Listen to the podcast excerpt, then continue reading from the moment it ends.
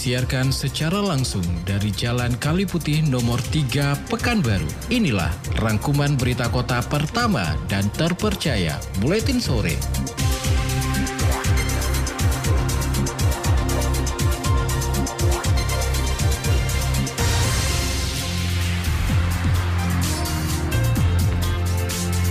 Halo selamat sore Mitra Kota, rangkaian informasi aktual yang terjadi hingga sore hari ini telah dirangkum oleh tim Buletin Sore. Inilah berita utama untuk hari ini. Kota Duri dan Rodas bakal jadi DOB.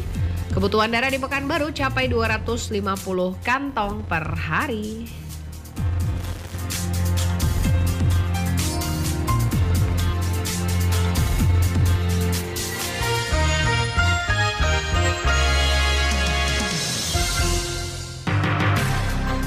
Berbagai peristiwa terjadi setiap menitnya. Dari segala sudut pandang yang berbeda. Tidak ada yang luput dari perhatian kami. baru akhirnya menemukan kasus tidak samanya jumlah pajak yang disetorkan oleh pajak. Semuanya kami rangkum untuk Anda tanpa basa-basi. Membawa kabar yang real dan terpercaya ke ruang dengar Anda tanpa ada yang ditutupi. Pemerintah Provinsi Riau berhasil menuntaskan defisit anggaran sebesar 1,9 Simak berita Kota Pekanbaru dalam Buletin Sore. Setiap Senin sampai Sabtu pukul 16.30 hanya di 975 Barabas FM. Kami percaya ada butuh yang pertama dan terpercaya. Itulah Buletin Sore. Selamat sore Mitra Kota, rangkaian informasi aktual yang terjadi hingga sore hari ini telah dirangkum oleh tim Buletin Sore. Bersama saya Jessie Gultaum, inilah Buletin Sore untuk edisi hari Kamis 14 September 2023, selengkapnya. Newsday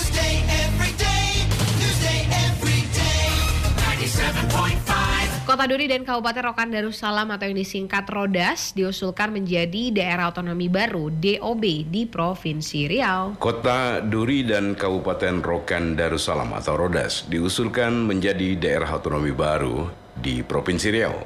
Usulan pemekaran daerah otonomi baru ini merupakan inisiatif dari Banlek DPR RI di mana kota Duri pecah dari Kabupaten Induk yakni Bengkalis dan Kabupaten Rokan Darussalam memisahkan diri dengan Kabupaten Rokan Hulu. Usulan dua daerah otonomi daerah di Riau ini langsung dibahas pemerintah Provinsi Riau dengan tim dari Pusat Perancangan Undang-Undang Bidang Polhukam, Badan Keahlian DPR RI dalam rangka mengumpulkan data penyusunan naskah akademik dan rancangan undang-undang tentang pembentukan Kota Duri dan Kabupaten Rokan Darussalam. Kedatangan tim Badan Keahlian DPR RI tersebut disambut staf ahli Gubernur Riau bidang pemerintahan, hukum, dan sumber daya manusia Yurnalis dalam rangka pengumpulan dan penyusunan naskah akademik dan rancangan undang-undang tentang pembentukan Kota Duri dan Kabupaten Rokan Darussalam. Staf ahli Gubernur Riau bidang pemerintahan hukum dan sumber daya manusia Yurnalis mendukung terbentuknya daerah otonomi baru di Riau karena Riau sudah layak memiliki daerah otonomi baru jika dibandingkan dengan provinsi lain. Jurnalis menyampaikan pembentukan daerah otonomi baru di Riau dinilai sangat menguntungkan bagi kemajuan daerah karena daerah otonomi baru ini bertujuan untuk rentang kendali, meningkatkan pelayanan publik dan penyelenggaraan pemerintahan yang lebih baik serta kesejahteraan masyarakat. Prima Ermat, Tim Liputan Barabas melaporkan.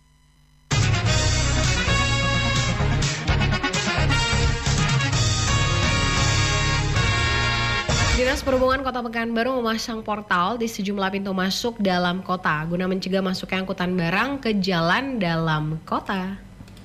Dinas Perhubungan Kota Pekanbaru memasang portal di sejumlah pintu masuk dalam kota guna mencegah masuknya angkutan barang masuk ke jalan dalam kota. Disampaikan Kepala Bidang Angkutan Dinas Perhubungan Kota Pekanbaru, Khairunas, ada beberapa titik yang direncanakan untuk dibangun portal, seperti di Jalan Pesantren, Jalan Pemuda, serta juga Jalan wilayah Sugunggung. Namun untuk tahap awal, pemasangan portal dilaksanakan di Jalan Pesantren. Dan ini telah dilakukan pada Kamis siang dan selanjutnya akan dilakukan pemasangan juga di Jalan Pemuda. Khairunas menyebut tujuan lain pemasangan portal adalah untuk menjaga jalan dalam kota Pekanbaru untuk tidak cepat rusak serta juga mengatasi kemacetan. Titik yang dipasang portal sendiri disesuaikan dengan hasil kajian dari tim Dinas Perhubungan serta juga sesuai dengan usulan dari masyarakat. Dengan alasan kita memasang portal adalah untuk satu menghindari kecelakaan, kedua merawat jalan yang dibangun oleh pemerintah Kota Pekanbaru. Eh, ketiga, jangan menimbulkan kemacetan di eh, Kota Pekan dalam eh, dalam Kota Pekanbaru. Tadi titiknya baru kita di simpang pesantren. Besok di Jalan Pemuda. Iya, nah, jadi dua titik kita dulu. Mungkin yang ketiga di Segunggung. Di mana jalan-jalan yang kita bangun, yang kita kita aspal, akan kita kasih portal.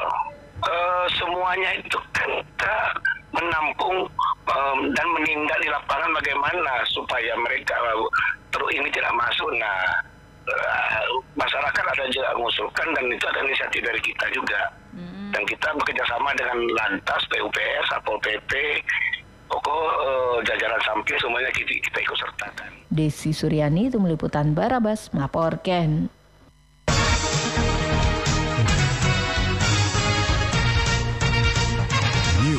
Setiap harinya kebutuhan darah di Kota Pekanbaru mencapai 250 kantong. Informasi ini disampaikan Ketua PMI Kota Pekanbaru Abdul Jamal. Setiap harinya kebutuhan darah di Kota Pekanbaru mencapai 250 kantong. Informasi ini disampaikan Ketua PMI Kota Pekanbaru Abdul Jamal. Jamal menyebut tingginya kebutuhan darah di Pekanbaru bukan hanya untuk operasi atau juga untuk menambah darah karena luka saja.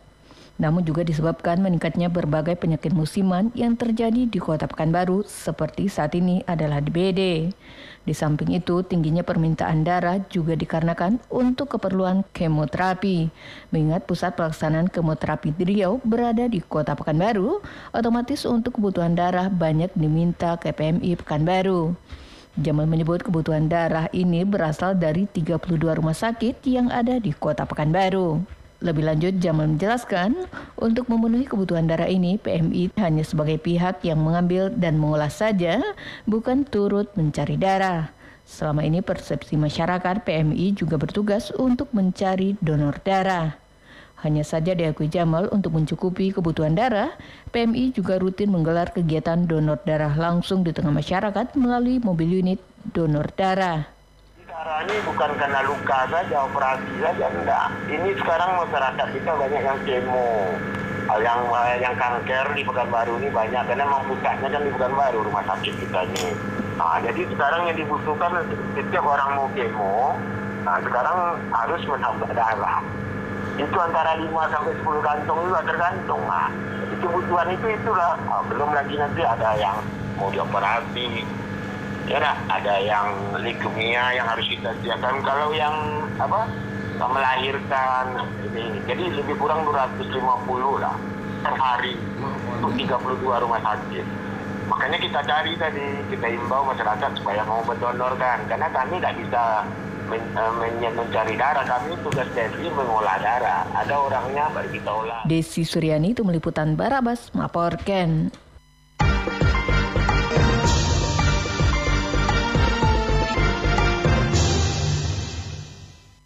Mitra Kota, silakan follow Facebook kami di Radio Barabas. Inilah berita terakhir buletin sore untuk hari ini.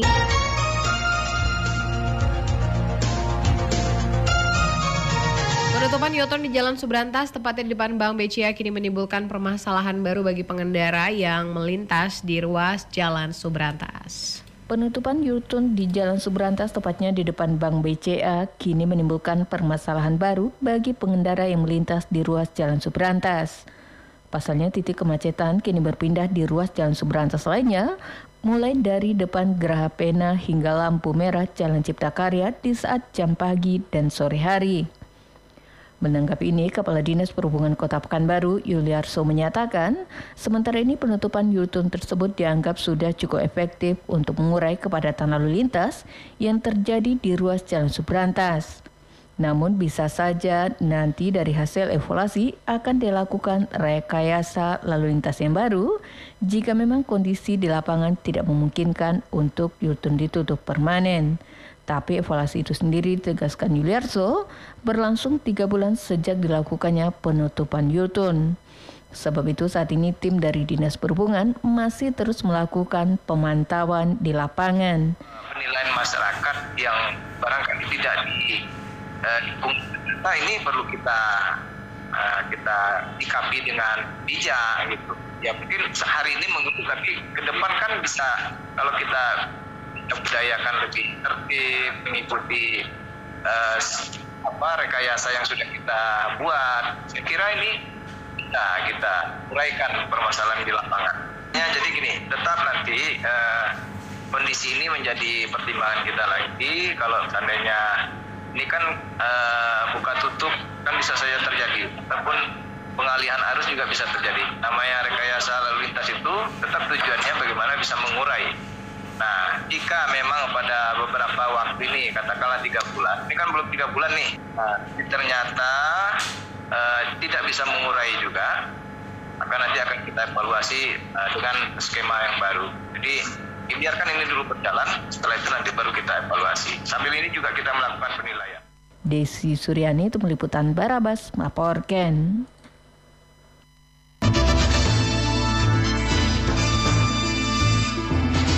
Mitra Kota, demikian rangkuman berita yang kami hadirkan dalam Buletin Sore untuk hari ini. Sampaikan kritik dan saran Anda ke redaksi Buletin Sore Radio Barabas 975 FM.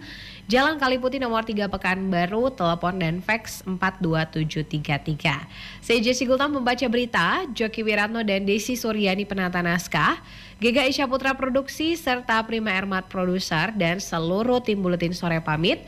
Terima kasih atas kebersamaannya. Selamat sore dan abadikan kami di hati Anda. Berbagai peristiwa terjadi setiap menitnya. Dari segala sudut pandang yang berbeda. Tidak ada yang luput dari perhatian kami. Pekanbaru akhirnya menemukan kasus tidak samanya jumlah pajak yang disetorkan oleh wajib pajak. Semuanya kami rangkum untuk Anda tanpa basa-basi. Membawa kabar yang real dan terpercaya ke ruang dengar Anda tanpa ada yang ditutupi. Pemerintah Provinsi Riau berhasil menuntaskan defisit anggaran sebesar 1,9 Simak berita Kota Pekanbaru dalam Buletin Sore. Setiap Senin sampai Sabtu pukul 16.30 hanya di 975 Barabas FM. Kami percaya ada butuh yang pertama dan terpercaya. Itulah Buletin Sore.